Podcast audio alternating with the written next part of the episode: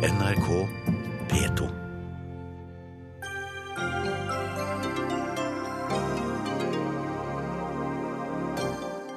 Mer til kommunene, noen flere studieplasser og studentboliger, og litt mer til Kristne Blinde Sjømannskirken og et hestesenter.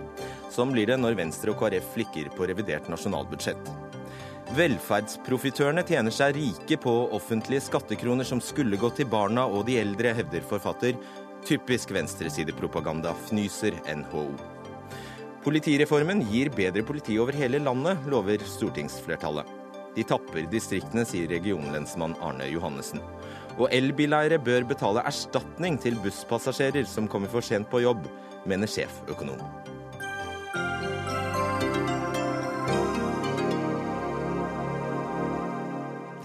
Da var klokka 18, og du ser eller hører på Dagsnytt 18. Mitt navn er Fredrik Solvang. Ja, I ettermiddag ble regjeringspartiene og støttepartiene i Stortinget enige om et revidert nasjonalbudsjett. Mer penger til kommunene, flere studieplasser og noen flere studentboliger. Det er noe av det de samlet seg om i dag. Og Hans Olav Syversen, du er altså leder av finanskomiteen for Kristelig Folkeparti. Statsbudsjettet er på 1200 millioner kroner. Ja. Eh, unnskyld, milliarder. Ja, det er så da. Og regjeringspartiene plusset da altså på fem milliarder i eh, revidert budsjett, og så flytter dere igjen på 400 millioner. Det er altså 0,4 eh, milliarder kroner det koster å ha dere som støtteparti. Ja, hvis det hadde vært så enkelt. Nå er det jo sånn at i et revidert budsjett så er det først og fremst oppjustering av tall. Hvor mye går til folketrygden, og hvor mye må den justeres for at vi skal komme ut slik vi skal.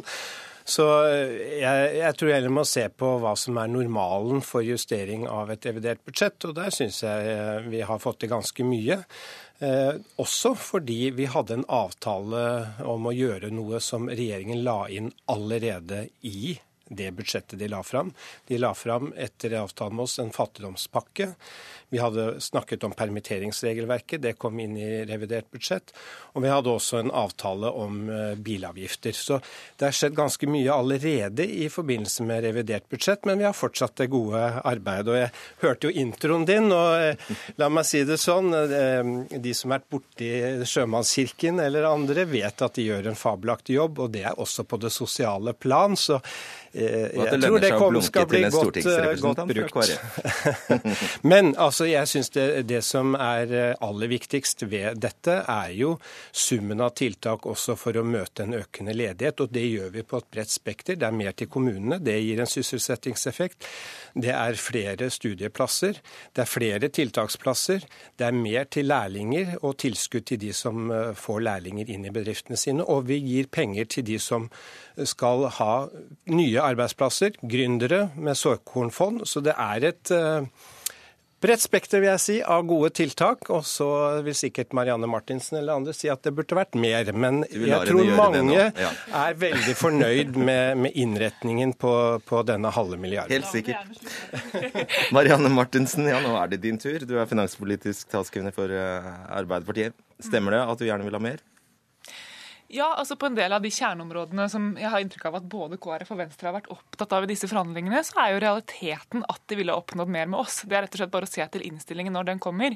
Det er i det store og det hele som overordna inntrykk her veldig smått, det som legges fram. Det er små summer gjennomgående. De flytter på en liten sum totalt. Og det som bekymrer oss mest, er at det ikke kommer kraftfullt nok på tiltak, særlig for å møte den stigende ledigheten blant ungdom, som, som vi har fått tydelige signaler på at er på vei oppover. og som, som er, Det er et, et ganske alvorlig utviklingstrekk i et samfunn når man ser at den ledigheten begynner å krype oppover. For den har en tendens til å bite seg fast på et høyt nivå hvis den først får lov til å, til å øke. Og så har de lagt inn litt mer på studieplasser, litt mer på tiltaksplasser, litt mer på lærlingtilskudd. Og jeg skal ikke kjede lytterne med å liksom ramse opp eh, hvor, hvor, hvor, mye høyere, hvor, jo, hvor mye høyere bevilgninger vi kommer til å legge inn. Vi kommer gjennomgående til å ligge ganske mye høyere på disse postene. Og det illustrerer bare at, at her kunne Venstre og KrF, hvis hvis de reelt sett hadde vært opptatt av å få til en økning på dette, gått, uh, gått vår vei. Så det kommer jo til å ligge et annet alternativ i Stortinget da, når vi kommer til votering, som de, som de fint kan stemme for. Du angrer deg, nå har jo Marianne Martinsen den fordelen at hun sitter og ser på fasit, så det er ikke så veldig vanskelig da å legge, legge oppå det vi kommer med i dag. Men, men, men, men jeg håper det inspirerer, i hvert fall. Det må jeg få svare på. Vi var f.eks. allerede i helgen ute og sa uh, at vi ønsker 3000 flere studieplasser. Og det er fordi at vi ser nå at det er en kraftig økning i antall søkere til høyere utdanning. og hvor mange blir det av dette? Vi har lagt inn nå 500, for annet halvår 500. Ja, det er litt i underkant av 500. Mm. Da var utdanningsministeren fra Høyre ikke synlig imponert eh, når vi kom med det utspillet. Så jeg må jo si at jeg sitter og stusser litt nå på hva han tenker eh, om, om, fasiten her, som blir i underkant av 500. Ok. Gjermund Hagesæter, du er finanspolitisk eh, talsperson for Fremskrittspartiet. Ja, litt mer til eh, alle. Er dette egentlig bare litt kakepynt? Altså, dette, er jo, dette er jo en revidering av et budsjett som vi er veldig, veldig fornøyd med.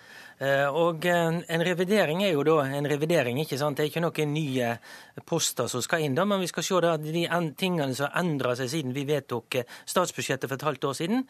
Eh, det er da ser vi da at terrenget ser annerledes ut i dag, og da må vi justere de postene. Og Det har vi jo gjort i utgangspunktet når revidert kom til Stortinget. Det var Skattesvikten til kommunene ble fanga opp. Det var òg en del andre ting. Litt mer til PST osv. Så videre. sånn at det lå jo mange ting inne i i, revidert, som også KrF og, og, Venstre var enig i. Og så har de altså sånn at uh, fått flytta en del ting til. Og gjort en del endringer som vi syns i sum er, ser veldig bra ut. Og så, ja. Og På pressekonferansen følte dere behov for å trekke fram at dere styrker kommuneøkonomien ytterligere med om lag 100 millioner.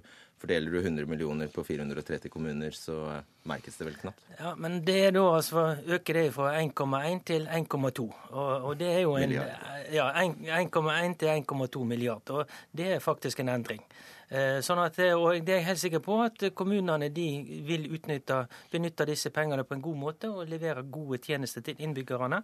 Og Alternativet, hvis man ikke hadde kompensert for dette skattebortfallet, mm. så ville det blitt nedskjæring til eh, kommunene og redusering av tjenestene. Og det slipper vi nå. Og også her er vel du mer sjenerøs?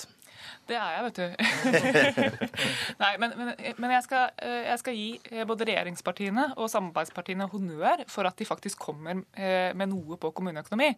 Fordi gjennom hele den vinteren som har gått siden vi vedtok budsjettet i høst, så har jo vi prøvd å utfordre på kommuneøkonomi, økonomi, vi, og, og, fått ganske negative svar og beskjed om at her har man ikke til hensikt å komme med noen ting. Så at de har snudd på det, det er bra.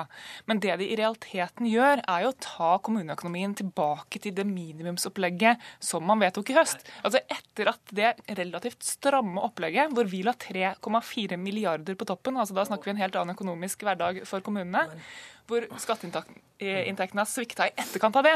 Sånn at de skal bære tap etter å først måtte svelge et opplegg ja. som, som, i realiteten ville innebære ganske store kutt. Eller så kan du se det sånn at de kompenserer kommuner som kunne ha satt penger på bok da de fikk mer enn de hadde trodd.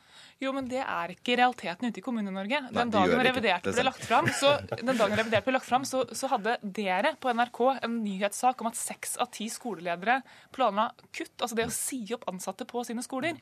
Det er realiteten der ute.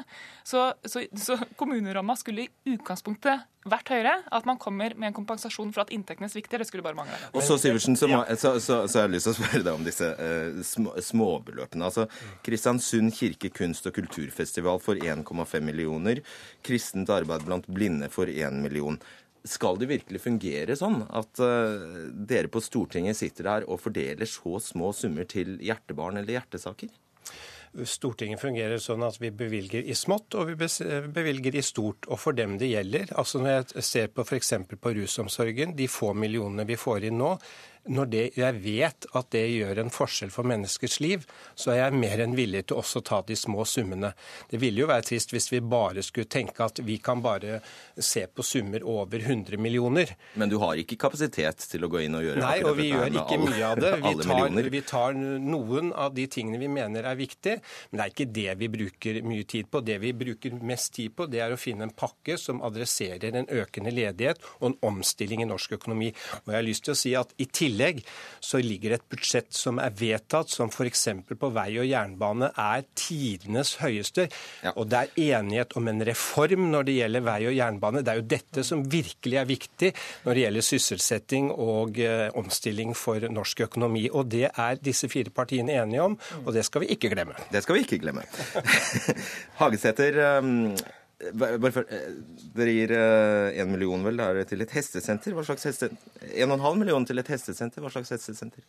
Dette er krav som kom inn fra Kristelig Folkeparti og Venstre, Aha. og som vi har eh, sagt at det er vi villige til å akseptere. Vet du hva slags hestesenter det er? Altså, jeg går ikke inn i alle disse detaljer. Det er mange poster her, så jeg tror ikke jeg skal liksom uttale meg om hvor mange hester det er og hva slags hestesenter det er. Men, men, dette er altså et godt tiltak som vi altså har støtta. Og så tar og, og dere ja, det det er bra. Så tar dere 30 millioner kroner fra den ordningen som kalles Raskere tilbake. Hvorfor det? Det vil altså ikke få noe betydning, for her har man altså mer penger enn det man har mulighet til å bruke i år. Dette overførte penger fra 2014 til 2015-budsjettet, og man har altså Man kunne faktisk hatt 10 millioner enda mer uten at de hadde påvirka Dette er faktisk driften. folk som står i helsekø fordi de, ikke, fordi de venter på operasjon? Det er helt riktig, men ja. søknadene tilsier at vi eh, har altså mer enn nok på posten, også etter vi har tatt disse 30 millionene. Eh, sånn at det skal ikke påvirke praksis, og det ikke skal påvirke det som søker Kanskje noe som ikke fungerer helt med ordningen? Eller? Ja, det må vi selvfølgelig se på. Men her er det altså masse penger som blir overført. 78 millioner som blir overført fra 2014 til 2015-budsjettet. og eh, Derfor så har vi for mye, og derfor så kan vi altså finansiere en del ut av de andre gode tiltakene til KrF og Venstre eh, ved å, å redusere her, uten at det får betydning. Og det er vi glad for. Jeg syns jo at denne siste sekvensen her illustrerer veldig godt hvor, hvor smått dette er, og hvor små summer det er vi diskuterer. Eh, for å Marianne Martinsen, og vi hadde revidert, og det var rød-grønn, da satt dere og fordelte 100 000, så dette er jo stort framskritt fra den gangen. jo da, men man hadde ikke flere dagers forhandlinger i Stortinget eh, på det. Men, men, men, har, har, men, det som er litt sånn gjennomgående her, det er at på de store, viktige postene, som dreier seg om omstilling, som dreier seg om å møte økende ledighet, som KrF og Venstre har signalisert at de har vært opptatt av inn i disse forhandlingene, så kunne de ha fått til vesentlig mer med oss. og det kommer man til å se i innstillinga. Og da er vi ved det helt grunnleggende i norsk politikk. Og det jeg har lyst til å si helt avslutningsvis her, at det dreier seg jo om det budsjettet som ligger til grunn for revideringa. At i det budsjettet så er hovedprioriteten flere milliarder i skattekutt som gjør at man ikke ikke kan prioritere eh, et ordentlig kommuneopplegg, eller å innfri løftene sine på sykehus, eller å sørge for at unger ikke står i barnehagekø. Det som er en av de viktigste forutsetningene nå frem, fremover, det er rett og slett at man har konkurransekraft, og at man trygger norske arbeidsplasser. Og Det har vi lagt til rette for i dette budsjettet, og også tidligere budsjett. Eh, dette trygger norske arbeidsplasser, og et budsjett som er godt tilpasset den økonomiske situasjonen vi går, vi går, inn i. og Derfor så er også arbeidsledigheten fortsatt veldig veldig lav i Norge. og det skal vi sørge for at den fortsetter. Jeg kan betrygge både programleder og Marianne Martinsen med det at vi gir ikke skattelettelser fordi vi syns det er moro å gi ekstra penger til noen som har mye fra før. I den grad vi gir skattelettelser, så er det nettopp for å sikre norsk næringsliv og norske arbeidsplasser. Og da syns jeg det står seg veldig godt. Og så, så skal vi Løsning på dette det er å skjerpe skattene med 10 milliarder kroner, og det ville medført at norske arbeidsplasser ble utrygge. Fint, det. Vi tar ikke den nå. Takk skal dere ha, Hans Olav Syversen, Gjermund Hagesæter og Marianne Martinsen. Og da gjør vi sceneskiftet her fordi eh, Magnus Takvam, vår politiske kommentator, kommer inn i studio. Ja, Det er jo viktig, som de påpeker, at uh, dette er altså en slags uh, revisjon av en revisjon. Og det ble jo poengtert flere ganger under budsjett, eller pressekonferansen i dag som for å kanskje ja, rettferdiggjøre at det flyttes på ganske få kroner her. Hvorfor, hvorfor sitter de der på Stortinget og bryr seg om så små ting? Nei, eh, Det er jo fire partier med uh, ulike krav, så de trengte noen dager på det. Men det lå i man, flytt, man greide å forhandle på finanspolitisk ledernivå, altså i finanskomiteen, og trengte ikke hjelp fra, fra de voksne, holdt jeg på å si, fra, fra de parlamentariske lederne. Men en sak som de ikke klarte å bli enige om, var jo denne regjeringens forslag om å flytte skatteoppkrevingen fra kommunene til staten, så vidt jeg har forstått, så var det noe av det de faktisk brukte mest tid på. Der greide de heller ikke å bli enige. så det der går man med, med, åpne øyne inn i en uavklart eh, sits når det, det gjelder eh, vedtaket som kommer 19.6. Ja, så Det skal altså tolkes som at eh, KrF eller Venstre eller begge har satt en stopper for, foreløpig stopper for Siv Jensens planer? Ja, De støtter ikke det, og, og Høyre og Frp fikk ikke de to partiene med på dette. og eh, F.eks. Arbeiderpartiet her vil bruke en del av de pengene som da er satt av i budsjettforslaget til omstillingene til, til, denne reformen til uh, andre ting. Sånn at uh, det er, det er et, rett og slett et uavklart spørsmål, og alt tyder vel på at uh, denne reformen enten ikke blir noe av, eller i hvert fall blir utsatt. Mm. Er det noe av de reaksjonene som kom på regjeringens forslag til, til revidert nasjonalbudsjett, som vi ser spor av i denne enigheten? Altså, det var jo de reaksjonene som, som eh, nokså forutsigbart kom fra eh, KrF og, og, Venstre, som jo var, er partnerne som, som, skulle inn i forhandlinger, om eh, mer til grønn omstilling, mer til kommunene og den typen ting. Mer til tiltak mot arbeidsledigheten. Og der har det jo kommet påplussinger. Jeg tror men som debatten viste, så vil det være en strid om de er for beskjedne og for små. slik at Arbeiderpartiet her vil jo synliggjøre til sentrum at kom til oss, vi har mer å rutte med på disse viktige områdene for sentrum. Og hvor privilegert er en sånn posisjon? Jo, eh, nå, nå, tror jeg ikke skal vi si, den politiske sprengkraften i dette reviderte budsjettet blir så stor. Eh, man har jo bl.a. ikke tatt inn hele den eh, vanskelige diskusjonen om flyktningene her, eh, Syria-flyktningene. slik at og da tilsier det at støyen om, om, om, budsjettet og det å vinne poenger kanskje heller ikke blir så store for så vidt nå. Det blir hardere tak både i forhandlingene om Syria-flyktningene og i det store statsbudsjettet til høsten. Takk skal du ha, Magnus Takpa. Hør Dagsnytt 18 når du vil. Radio NRK Radio.nrk.no.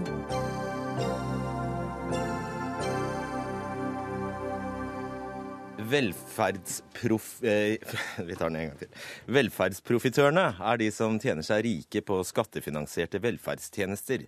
De skyr offentligheten, de får en stadig sterkere posisjon i samfunnet, og noen av dem lurer unna velferdskroner i skatteparadis, andre kjøper prangende luksusleiligheter. Nei, Velferdsprofitørene det er barna som går i barnehage, eller de eldre som bor på sykehjem.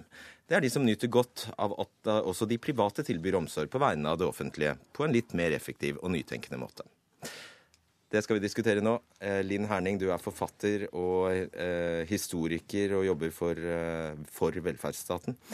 Og du har skrevet denne boka 'Velferdsprofitørene', som er gitt ut på forlaget Manifest. Kan du først forklare hva er en velferdsprofitør? En velferdsprofitør det er en som driver en velferdstjeneste på vegne av det offentlige, men som tar privat profitt ut av de pengene som da er satt av til barnehage, skole eller sykehjem. Så det er definisjonen på en velferdsprofitør. Høres ikke så hyggelig ut å være velferdsprofitør? Nei, jeg syns jo ikke det er så veldig hyggelig heller. Eh, jeg presiserer jo at dette er i stor grad lovlig virksomhet, men at vi som samfunn må ta en debatt om vi syns det er greit eller ikke. Og da er det slik at du mener det skal være umulig å ta ut profitt fra tjenester som finansieres hovedsakelig av det offentlige. Er det så enkelt for deg? Ja, i prinsippet så syns jeg at det er, en, en, det er et lovverk vi har innenfor skole i dag, og som jeg syns at vi kan overføre til andre velferdstjenester. Det skal selvfølgelig være lov til å ta lønn, eh, men ikke privat profitt. Og da mener du også at det offentlige skal drive absolutt alt? Nei, ikke nødvendigvis. Altså, jeg åpner i boka for at det er fullt mulig å fortsette et samarbeid med de ideelle aktørene. Eh, eller folk som ønsker å bidra eh, innenfor det som man tidligere har kalt privat. Som jeg er opptatt av å skille mellom at det er forskjell på en ideell aktør og en kommersiell aktør. Og de ideelle, som altså ikke skal ta profitt, de syns jeg det er greit nok at det er der. Så selv om de kanskje gjør det på en bedre måte og en mer effektiv måte, at, får, at det offentlige får mer ut av hver krone, så er det feil for deg? Altså, Nå gjentar jo du de mytene som de gutta ved siden av her gjerne selger, nemlig at det er bedre og til en lavere pris. Og det er eh, ikke nødvendigvis sånn. Eh, og da syns jeg vi skal ta tak i fakta og ikke forholde oss til denne diskusjonen på grunn av de mytene som de sprer. Ok, La oss eh, snakke om barnehager først. Du hevder altså at eh, utfallet av den rød-grønne barnehagepolitikken, har vært, som gikk ut på å få full dekning, har vært en gullgruve for kommersielle selskaper. Hvordan da? Nei, altså man, Det er to hovedresultater av barnehagepolitikken de siste årene. og Det ene er jo full barnehagedekning. Og det andre er at vi har fått et sjikt av kommersielle barnehageaktører som vi ikke hadde tidligere. Altså Bondeviks sentrumsregjering sa jo at de ikke skulle gi eh, offentlige penger til de, til de, kommersielle aktørene, de som drev rent forretningsmessig. Og så skjedde det noe i den barnehageavtalen mellom SV og Fremskrittspartiet som gjorde at det plutselig var helt greit å sende skattekroner til de kommersielle aktørene. Eh, og det er jo det som har skjedd. Vi har skjedd to ting. Vi har fått full barnehagedekning, og vi har fått et sjikt av velferdsprofitører innenfor barnehagene. Uh, og så påpeker du at eh, vi har hatt en eh, effektiv lobbyorganisasjon kalt Private barnehagers landsforbund. Hva er det de har oppnådd? Nei, altså jeg, Deler av boka er jo egentlig litt skryt til det arbeidet som PBL har gjort. Ikke fordi jeg er enig med resultatet, men fordi de har gjort et effektivt arbeid for å få mye penger til de private barnehagene. Vi har i dag fått et finansieringssystem som er sånn at man har likebehandling når det gjelder kostnader. Altså, nei, når det gjelder inntekter. Altså de, får like, de private barnehagene får like mye penger, men de har altså gjennomsnittlig lavere utgifter. Det vil si at de har mer penger enn de kommunale, og det syns jeg jeg sier. Gratulerer til PBL. Det er godt jobba, men jeg syns det er et problem at vi bruker skattepenger på den måten.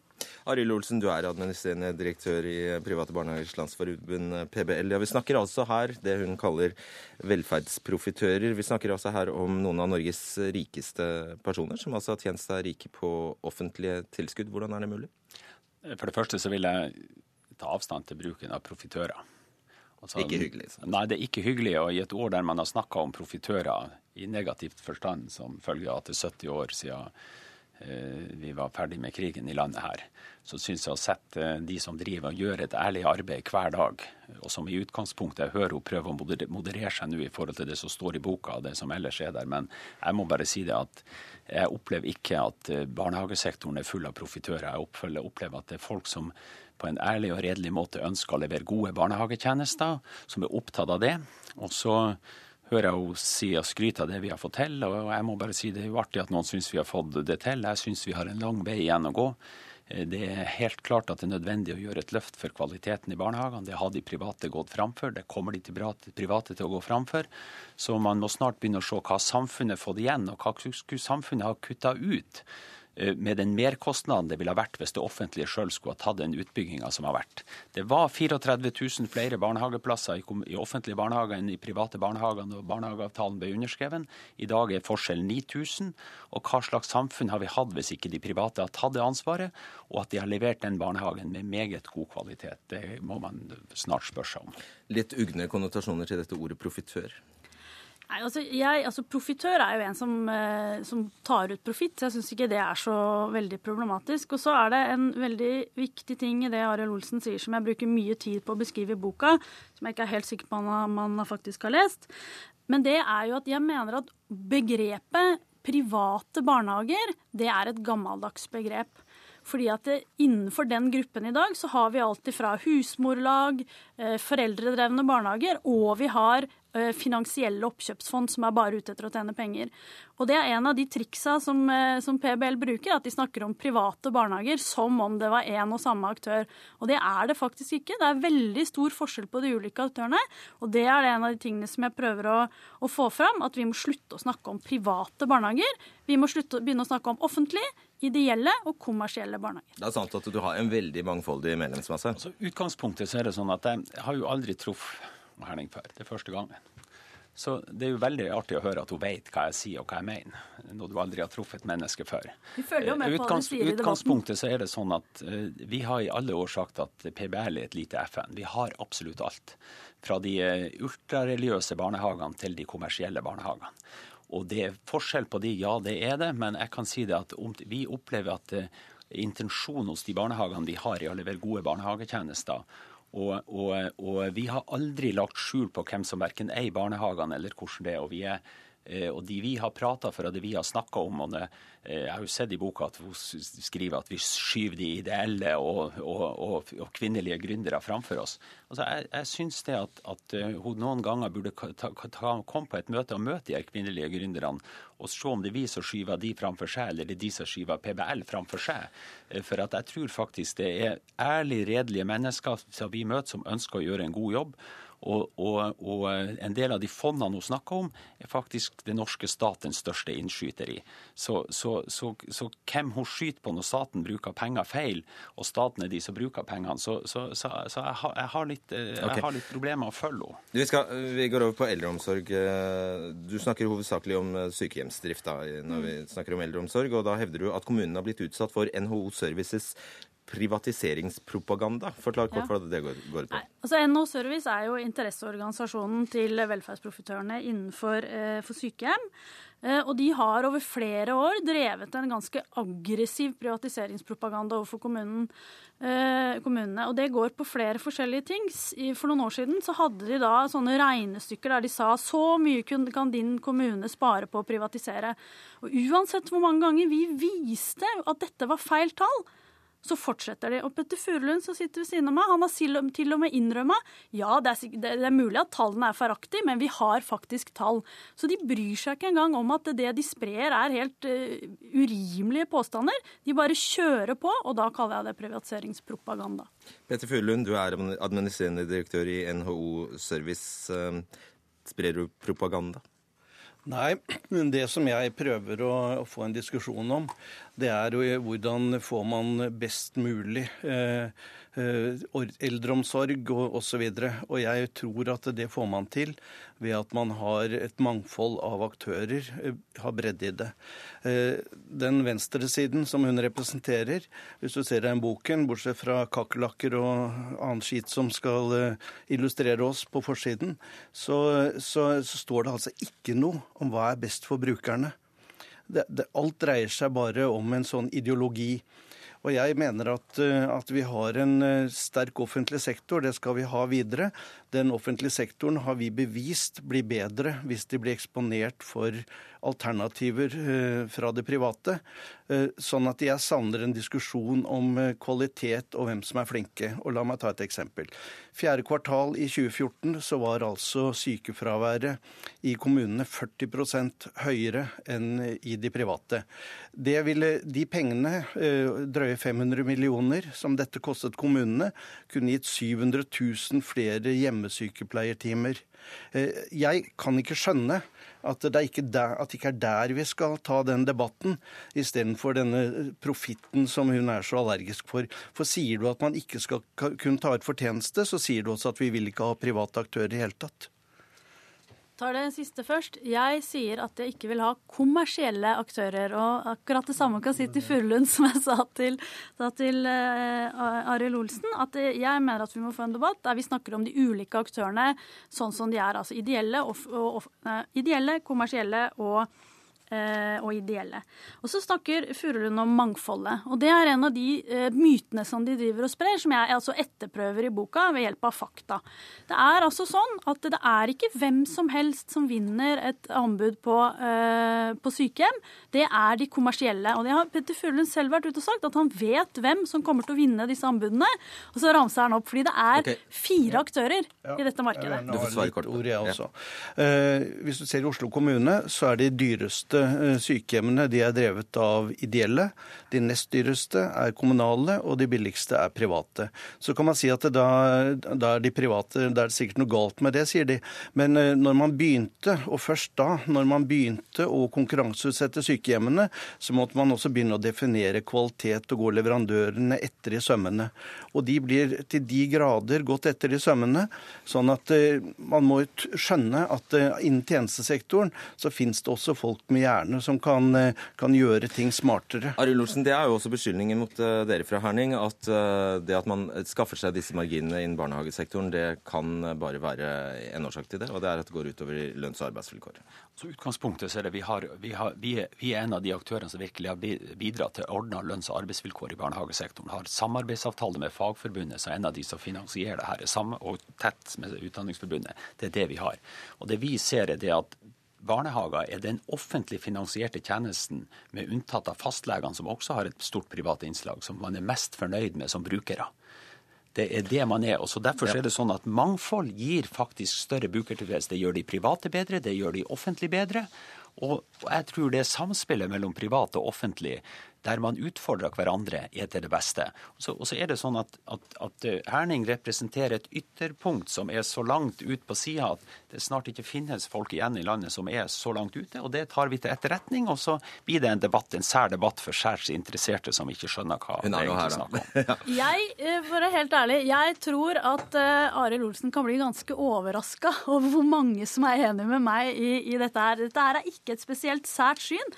At velferdskroner skal gå til velferd, tror jeg ikke er et spesielt sært syn. Og så er det det med, med, kvalitet. Og der er det sånn at det er veldig stor forskjell på den debatten innenfor sykehjem og innenfor barnehager. For innenfor sykehjem så er det et voldsomt kostnadspress pga. anbudssystemet. Mens innenfor barnehager så har jo PBL vært med å lobba fram et finansieringssystem som gir de kommersielle et enormt handlingsrom. Så der blir det ikke like stor press på kvalitet som det det er innenfor sykehjemmene. Jeg må si takk til dere.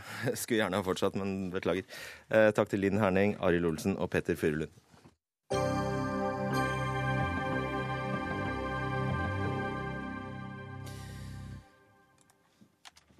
I helgen ble altså regjeringspartiene enige med Venstre, Kristelig Folkeparti og Arbeiderpartiet om den nye politireformen.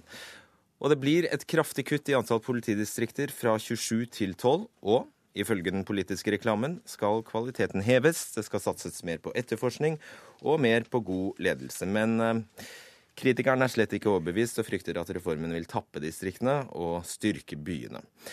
En av dem er deg, Marit Arnstad. Du er altså parlamentarisk leder i Senterpartiet. Eh, ja, Du mener at de som ikke bor i byer, vil få et dårligere politi, rett og slett. Hvorfor det? Altså, det her er jo den tredje politireformen på 20 år som Høyre, Frp og Arbeiderpartiet har stått sammen om. Og hver gang vi har hatt en reform, så har det blitt sagt at nå skal det bli mer politi ut i gatene og mindre politi bak eh, skrivebordet. Og hver gang har det endt opp med en sentralisering. Eh, det tror jeg det kommer til å gjøre her gangen her òg, når 15 av 27 politidistrikt skal legges ned. Og når at, eh, etter mine begreper, godt over 100 lensmannskontor antagelig kommer til å bli lagt ned. I tillegg så kommer jo også Politidirektoratet og DSB til å få ansvaret for å eh, nedskalere antallet 110-sentraler, sånn at de også kommer ned til 12 eller 11. Summen av det er en sterk sentralisering. Også når du ser det i sammenheng med de kriteriene som er lagt bl.a. om responstid og med uh, kjøretid til tjenestested.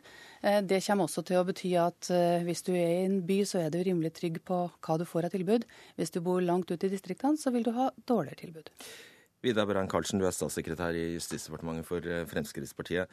Det Marit Arnstad sier her, høres jo ganske logisk ut. Altså, Hvordan vil publikum konkret merke at de får et uh, nærere politi ved at det blir færre politidistrikt? Jeg tenker jo at uh, denne reformen kommer til å i mye større grad ivareta de distriktshensyn som Marit Arnstad tar til orde for her. Ved forrige reform, som hun også henviste til, så var jo nettopp et av grepene som ikke ble gjort, det var at man slo sammen tjenestesteder, sånn at man får mer robuste enheter som kan, kan stille flere folk tilgjengelig ute på veien, ute der folk er og folk bor, til enhver tid på døgnet. Det, det som Marit Arnstad ikke sier nå, det er at de mange eh, lensmannskontorer ute i distriktene de har åpent til klokka tre eller fire, og etter det er det ikke folk på jobb. Da kommer det folk fra de store politistasjonene og rykker ut dersom noe skal skje, med lang responstid. Nå skal vi få flere ut av de ut på veien til enhver tid, sånn at de kommer nærmere der Marit Arnstad bor. For nå skal politiet ut på en slags bokbussturné? Nei, ikke bokbussturné. Men, men, hvis man slår sammen de her, ser ressursene mer i sammenheng, så vil det bli lettere å disponere de til å være ute på veien, sånn at de er nærmere der det skjer, når det skjer. Og så I tillegg til det så vet vi at norsk politi sliter en del med etterforskning. Ikke sant? Det, vi ser eh, voldtekt eh, er ikke greit, eh, menneskehandel, enkelte distrikter takler ikke et eh, drap osv. De må settes i stand nå til å, å, håndtere den typen oppgaver, og, og ikke minst det med mer organisert kriminalitet kriminalitet som i enkelte distrikter passerer eh, politiet uten at de i det hele tatt merker det. Ok, Arne Johannessen, du er eh, regionlensmann i Sogn, og mange husker deg jo som mangeårig leder i Politiets Fellesforbund. Og nå er du ordførerkandidat for Arbeiderpartiet i Luster. Du er faktisk skuffet over eget parti? Ja, jeg er skuffa over eget parti. Jeg er skuffa over at ikke de lytter mer til de gode argumentene fra Sogn og Fjordane. Og så er jeg veldig skuffa over at ikke politikerne i regjeringspartiene og Arbeiderpartiet ser at uh, Sogn og Fjordane politidistrikt har veldig gode resultat. Det er et av de beste i forhold til saksbehandlingstid og oppklaringsprosent. Men ikke minst så er det et politidistrikt som har vært hardt prøva i forhold til naturkatastrofer. Både Flaum, eh, vi har ikke minst hatt store Lærdalsbrannen. Og den håndteringen som politiet gjorde i lag med brannvesen og Fylkesmannen sin beredskapsavdeling, det har altså vært så bra at de har reist land og strand rundt for å fortelle om god samhandling mellom ulike etater. Og Så er takka at dette gode kompetansemiljøet nå skal smuldres opp og eh, ødelegges. Og så tror jeg dette blir veldig rart hvis vi ikke nå informerer om hva regjeringen og Arbeiderpartiet har tenkt å gjøre med Sogn og Fjordane politidistrikt. Hva skjer? Ja, Det er jo at det skal bli eh, en del av politidistrikt vest, eh, som da er dominert selvsagt av Bergen. Du skal være rimelig god pedagog for å få folk til å tro at du skal få bedre kompetansemiljø i Sogn og Fjordane ved å flytte det til Bergen.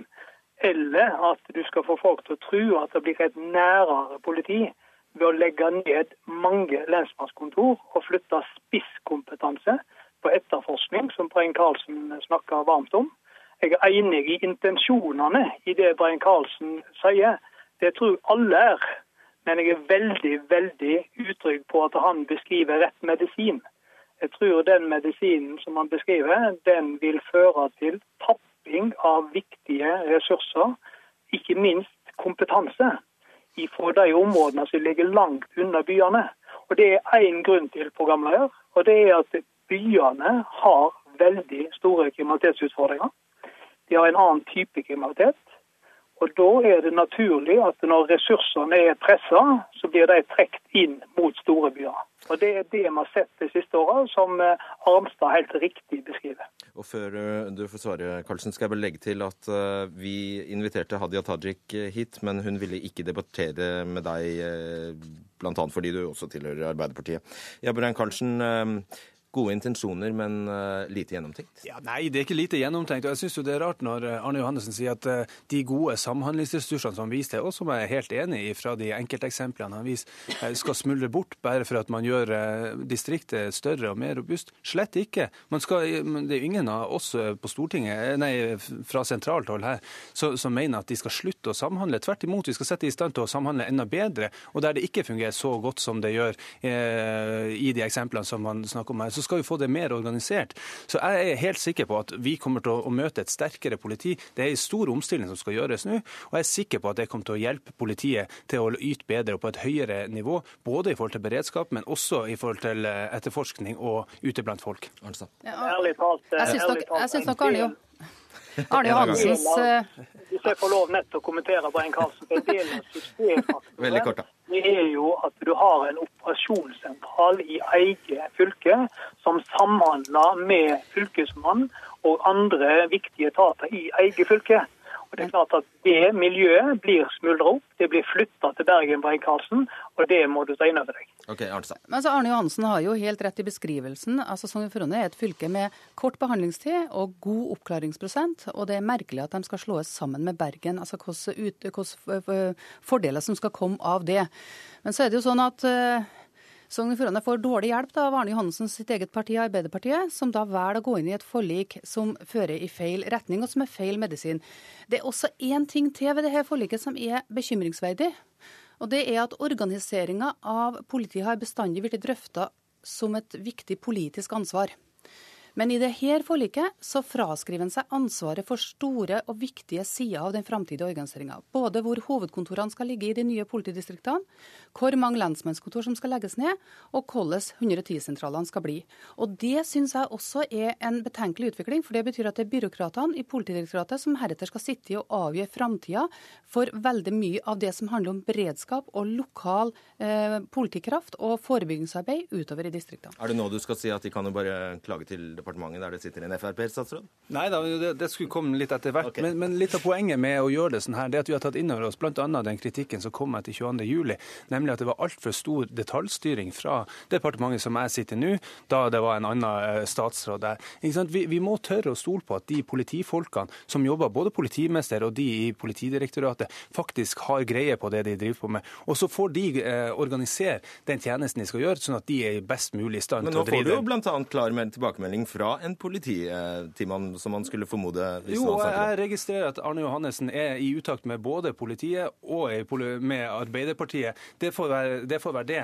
Men jeg er i hvert fall 100 eh, sikker på at når vi gir både Politidirektoratet og de ulike politimestrene mulighet til å styre organiseringa litt mer, så har vi, har vi muligheten til å, å, dra i nødbremsen hvis det her bærer gærent av sted. Men jeg mener at det er eh, først og fremst politioppgaver de skal løse, og dermed så gir vi de eh, mer spillerom. Jeg reagerer veldig på at Frp her på en måte skyver Gjørv-kommisjonen foran seg. Det gjorde de først når det gjaldt spørsmål om sentralisering, men det finnes det ikke dokumentasjon for i Gjørv-kommisjonen.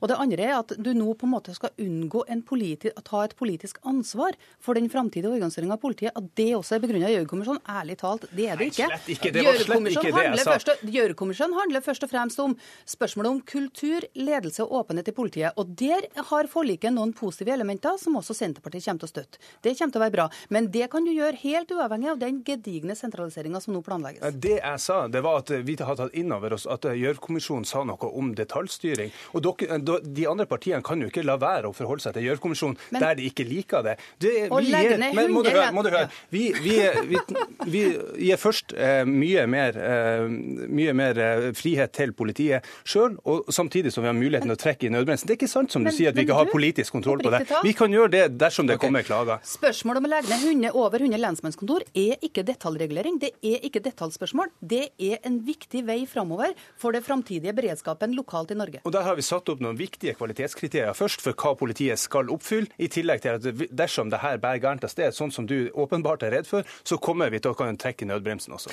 Arne Johannessen, eh, det er vel et eh, poeng dette her at du faktisk eh, Det er du som har et divergerende syn her. og Den nåværende lederen i Politiets Fellesforbund, Sigve Bolstad, er jo fornøyd med reformen? Ja, jeg har registrert at han sier det, men det er svært svært mange i politiet som er bekymra i forhold til sentralisering. Det er jo bare å lese ulike debatter, følge med på sosiale medier og lese ulike lokalaviser. Eh, så jeg er ikke interessert i å diskutere hva de mener. Jeg eh, har vært veldig tydelig og mener at det er gode faglige argument. F.eks. så er det altså klare anbefalinger i høringssvaret fra Fylkesmannen i Sogn og Fjordane, fra politimesteren i Sogn og Fjordane. Og da å bruke den hersketeknikken til Brein Karsen og snakke om at jeg er i utakt med alle andre, det bør han spare seg. Det er et samla politifaglig anbefaling pluss fylkesmann, som jeg da registrerer at eh, noen krefter i Oslo vet tydeligvis bedre hva som er best for innbyggerne i Sogn og Fjordane, enn alle de som jobber i Sogn og Fjordane per i dag. Og så er det eh, helt eh, for meg merkelig at eh, Brein Karlsen så til de grader snakker ned de lokale lensmannskontorene sin viktige funksjon, bl.a. i forhold til lokalkunnskap i lokalmiljøet. Den harselerer han med og snakker ned til de grader. Gjør du gjerne det når Nei, det gjør jeg slett ikke. Men, men, du må huske på det, Arne Johannessen, at det ikke er kontoret som har den kunnskapen, det er menneskene der. Og de snakker jeg i hvert fall ikke ned. Men de skal få bedre rammebetingelser til å jobbe eh, både forebyggende og ute blant folk eh, fremover. Jeg må si stopp der. Takk skal dere ha, Marit Arnstad, Arne Johannessen og Vidar Brein Karlsen. Dagsnytt 18 alle hverdager kl 18.00 på NRK P2 og NRK2. Elbileiere bør betale busspassasjerer erstatning for køen de lager i kollektivfeltet. Ja, Det mener du, sjeføkonom Steinar Juel eh, i eh, Nordea, er det? Ja. som presenterer et regnestykke over hvor mye elbilistene skylder busspassasjerene som har kommet for sent på jobb. Du sier altså til Dagens Næringsliv at man får inntrykk av at det er viktigere eh, at elbilene kommer fram i rushtiden enn eh, busspassasjerene. Og når, sier, eh, når, du sier 'mann', er det deg selv du sikter til? Står du i stampe hver dag, du òg? Nei, det gjør jeg faktisk ikke. Nei, jeg, jeg, jeg er på å si nøytral akkurat der når, det gjelder å bevege meg på veien eh, til jobb. Da, da tar jeg toget.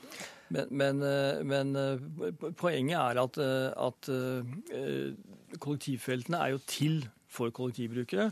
Og, og, og ble satt i verk for at man skulle gjøre kollektivtransport, da, da busser, attraktivt framfor å bruke privatbiler. Eh, og ved vi har kommet raskt fram ved bussfilene. Og når det begynner da å stoppe opp og forsinkes av at det nå blir mange elbiler der, så, så, så blir dette feil. For da, da blir det en konflikt mellom elbilbruk i kollektivfeltene og, eh, og bussjåførene. Og hvordan, ja, og hvordan ser dette regnestykket ditt ut? Jeg har tatt et enkelt regnestykke. Altså, det, er, det, er ikke, det, er ikke, det er ikke strengt vitenskapelig regnestykke. eh, Men, og man kan sikkert lage forutsetninger om det, men det er vanlig å se på hva er liksom Sette en pris på tid. Er det, er det ofte vanlig innenfor økonomi å se på hva man alternativt kunne brukt tiden til. Og der bruker man ofte timelønn. Eh, og, det sett, og Hvis man gjør det og sier at eh, busspassasjerene forsinkes med ti minutter, som da Ruter mener, siden, i forhold til sånn som det var for to år siden, eh, så er det en, en pris som tilsvarer, eh, tilsvarer 240 kroner eh, per tur inn mot Oslo. Og da ikke regne med returen, for folk skal hjem igjen også. Så, så det blir også større beløp hvis man da skal regne med hjem også. Men, men det er jo særlig inn mot Oslo hvor det er eh, gode bussfiler, eh, mens, det, mens det utover igjen ofte er variabler. Og Hvis dette prinsippet skulle gjelde over hele fjøla, så ville NSB ikke få annet å gjøre enn å betale erstatning til sine kunder?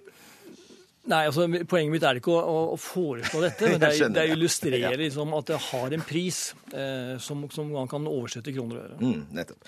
Og Kristina Bu, du er generalsekretær i eh, Elbilforeningen. Eh, Er det spiselig for elbilisten å betale 240 kroner dagen? Det er, dette her er, eh, det er ikke spiselig, og det er, det er egentlig ganske tullete, hele regnestykket og hele for, forutsetningen for det eh, Steinar Juel er ute og, og sier.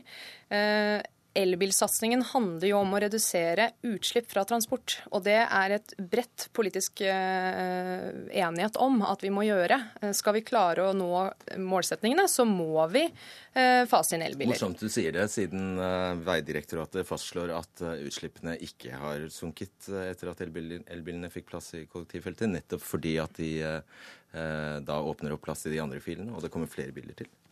Ja, men nå snakker vi om klimautslipp, og der har du et kjempetydelig tall på at eh, utslippene går Eneste grunnen til at utslippene har gått ned i Norge de siste åra, er elbilene.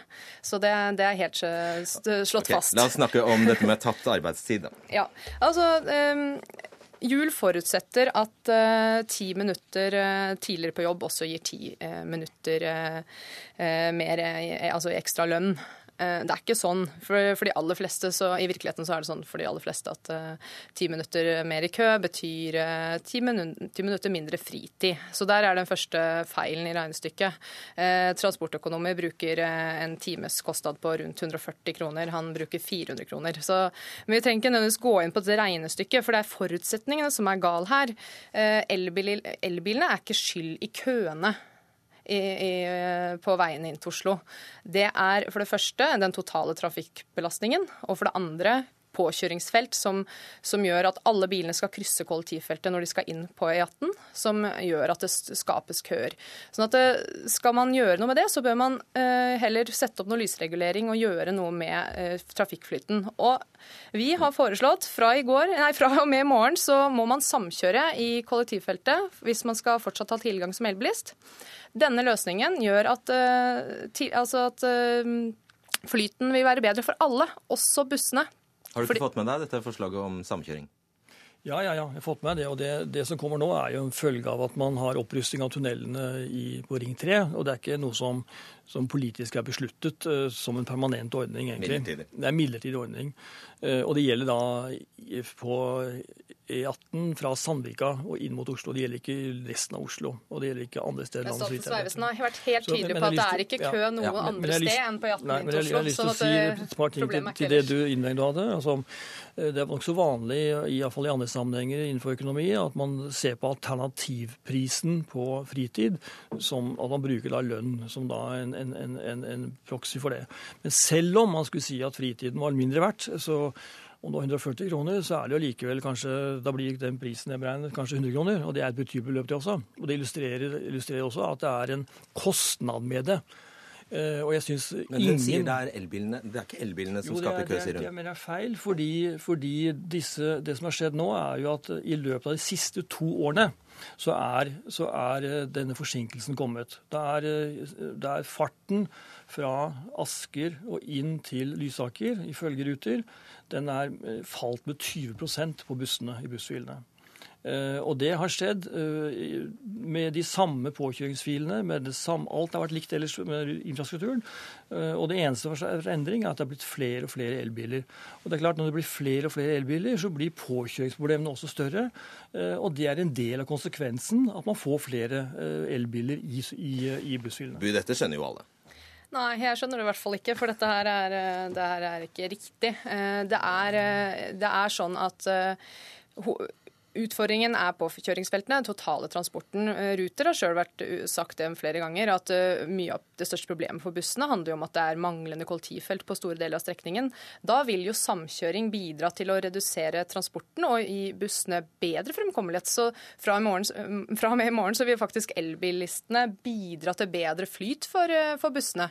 Og ikke minst, eh, Jul tar ikke med kostnadene de andre bilistene vil få. Eh, fra og med i morgen morgen. Så, så hvis alle elbilene skulle vært kastet ut av, el, eh, av kollektivfeltet, så ville jo uten tunneloppgraderingene som er planlagt, eller som skal settes i gang, så ville køene i de øvre feltene bli minst 20% lenger. Det er også ganske store kostnader for, for de reisende. Eh, vi bør utnytte veikapasiteten så best som mulig. Da er det mange som ikke kommer seg på jobb i tide, da. Nei, men da, da, må folk begynne å ta mer kollektiv. Altså det er så enkelt er det. Altså de, de, fleste av de som nå kjører elbil, kom seg på jobb tidligere også. Enten ved at de brukte kollektiv, eller, at de, eller at ved at de, de, kjørte vanlig bil. Og, og, det at eh, man nå har fått elbiler eh, nå i kollektivfeltene, har gjort det som programlederen sa, gjort det lettere for andre biler å kjøre inn. Der er vi helt enige at man må satse mer på kollektiv. Så, så, så, men... så, det, det, det, det jeg føler at ingen tar tak i i løpet av alle diskusjonene jeg har vært på i dag, er liksom kjernen i det. Det er en konflikt mellom bussbrukere og elbiler, og man prioriterer elbilbrukerne. Punktum. Men det er ingen som tar i Vi gjør jo ikke det lenger nå, da. Så det, det, ja, det, er, det er, løser man. Altså, det har man ikke løst, fordi dette er en midlertidig ordning. Det gjelder ja. fra Sandvika inn. Og, og jeg må sette punktum der. Takk skal dere ha, Steinar Juel og Kristina Bu.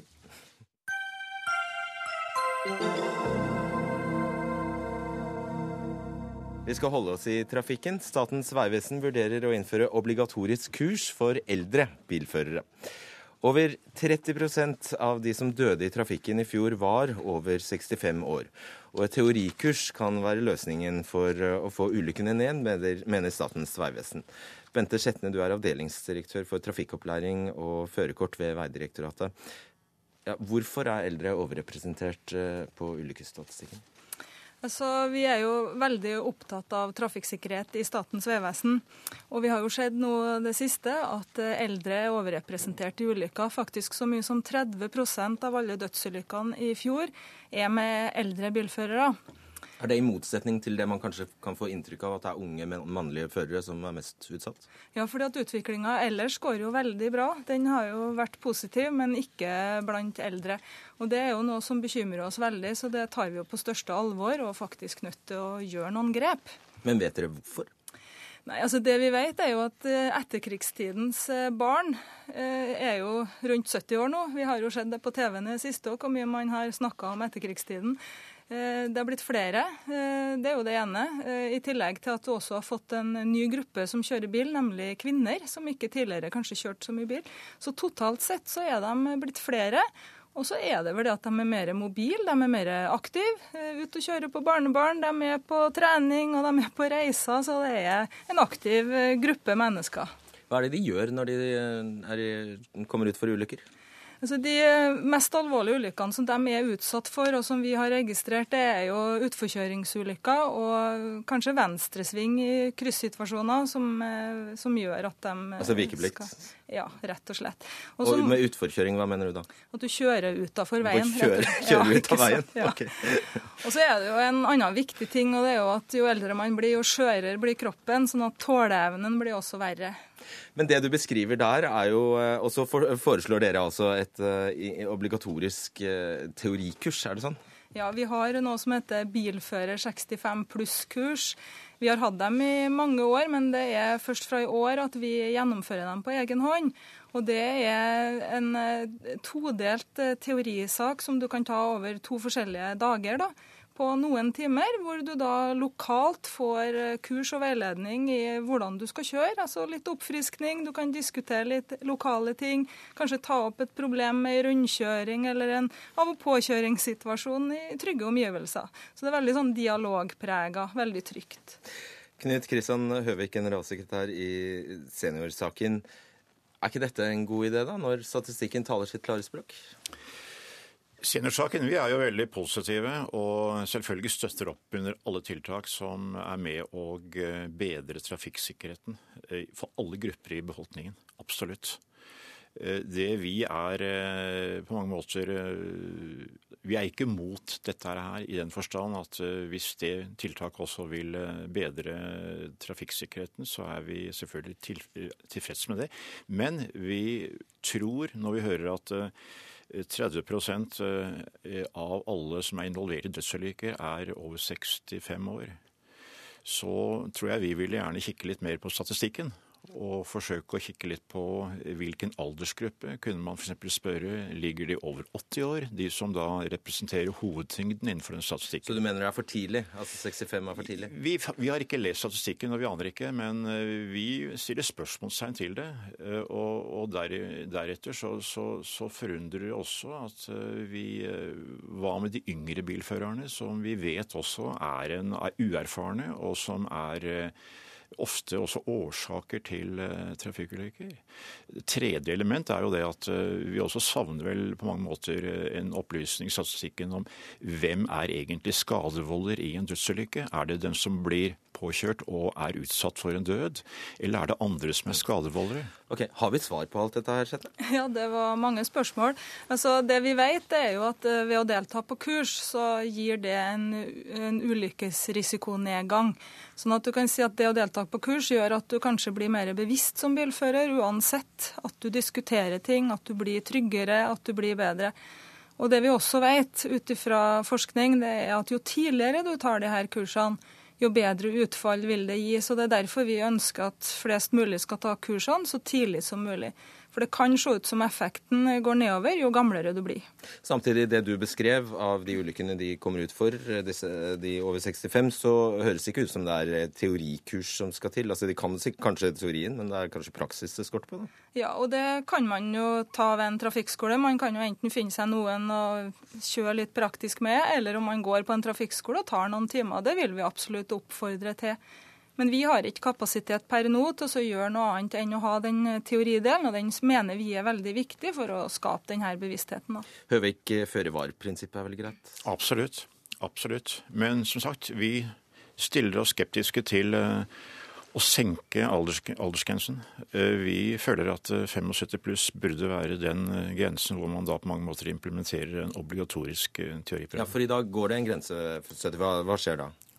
Ja, Vi føler jo altså 75, hvorvidt det er riktig 75 eller senere. Men jeg mener 75 er iallfall en føre-var-betraktning.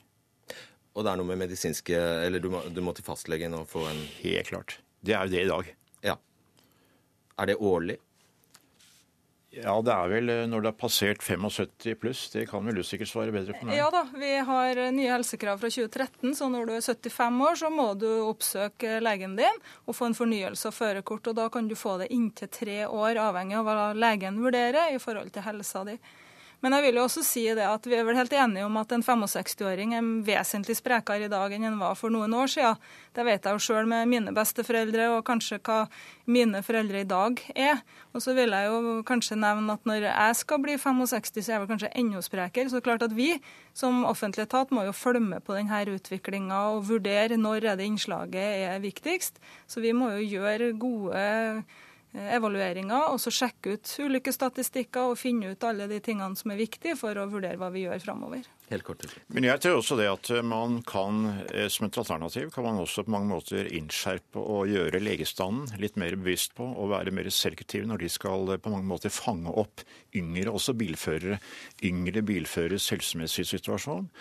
Eh, jeg tror legestanden vil kunne i dag finne ut og være mye mer på mange måter før det var, og finne ut eh, problemstillinger rundt kall det 50-55-åringer, 60-65-åringer. Vi lar det være en oppfordring. Takk skal dere ha, Bente Skjetne og Hans Christian Høvik. Og da gjenstår det bare å si at uh, ansvarlig for denne sendingen var Berit Ytrehus. Teknisk ansvarlig var Lisbeth Seldreite, og jeg heter Fredrik Solvang.